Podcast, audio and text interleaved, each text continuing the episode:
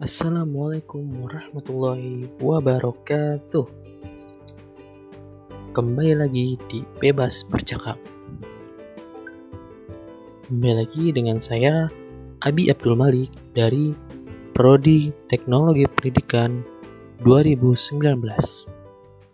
Di sini saya ingin menjelaskan apa itu media audiovisual, karakteristik media audiovisual, kelebihannya, dan kelemahannya.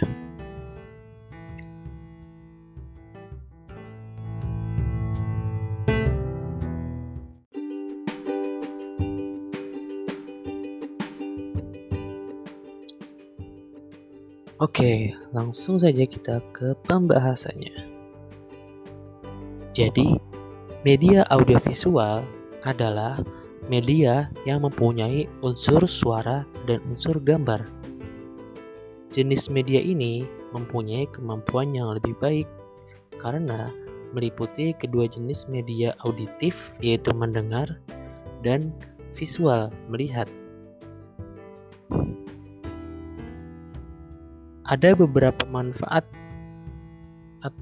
manfaat dari alat bantu audiovisual ini adalah yang pertama membantu memberikan konsep pertama atau kesan yang benar yang kedua, mendorong minat peserta didik.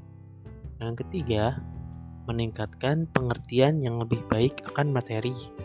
Yang keempat, menghemat waktu dalam pembelajaran. Yang kelima, meningkatkan keingintahuan intelektual dari peserta didik.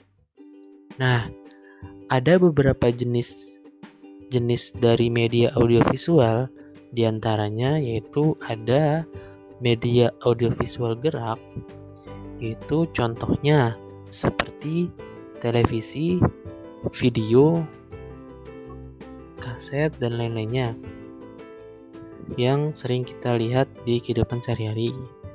Nah, yang kedua ada media audiovisual diam. Contohnya seperti film bingkai suara atau sound slides.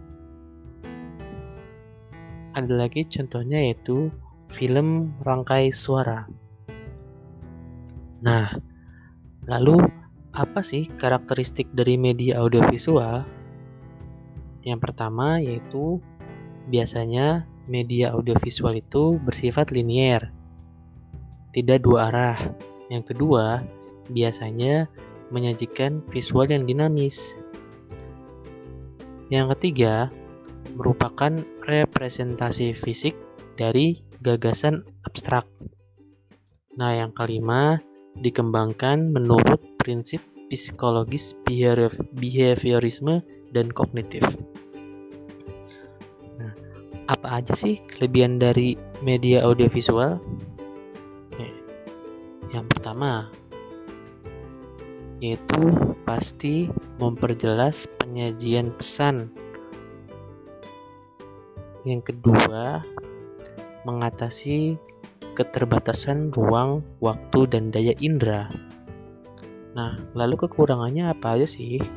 Nah, kekurangannya itu media audiovisual itu tidak dapat digunakan di mana saja dan kapan saja karena media audiovisual cenderung tetap di tempat seperti televisi.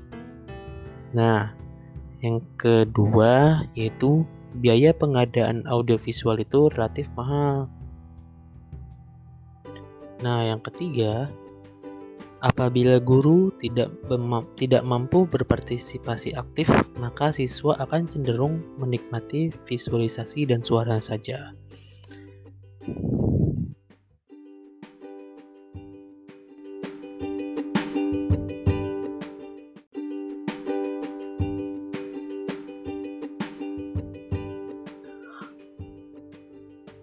Nah, jadi itu saja yang dapat saya sampaikan dalam kesempatan kali ini.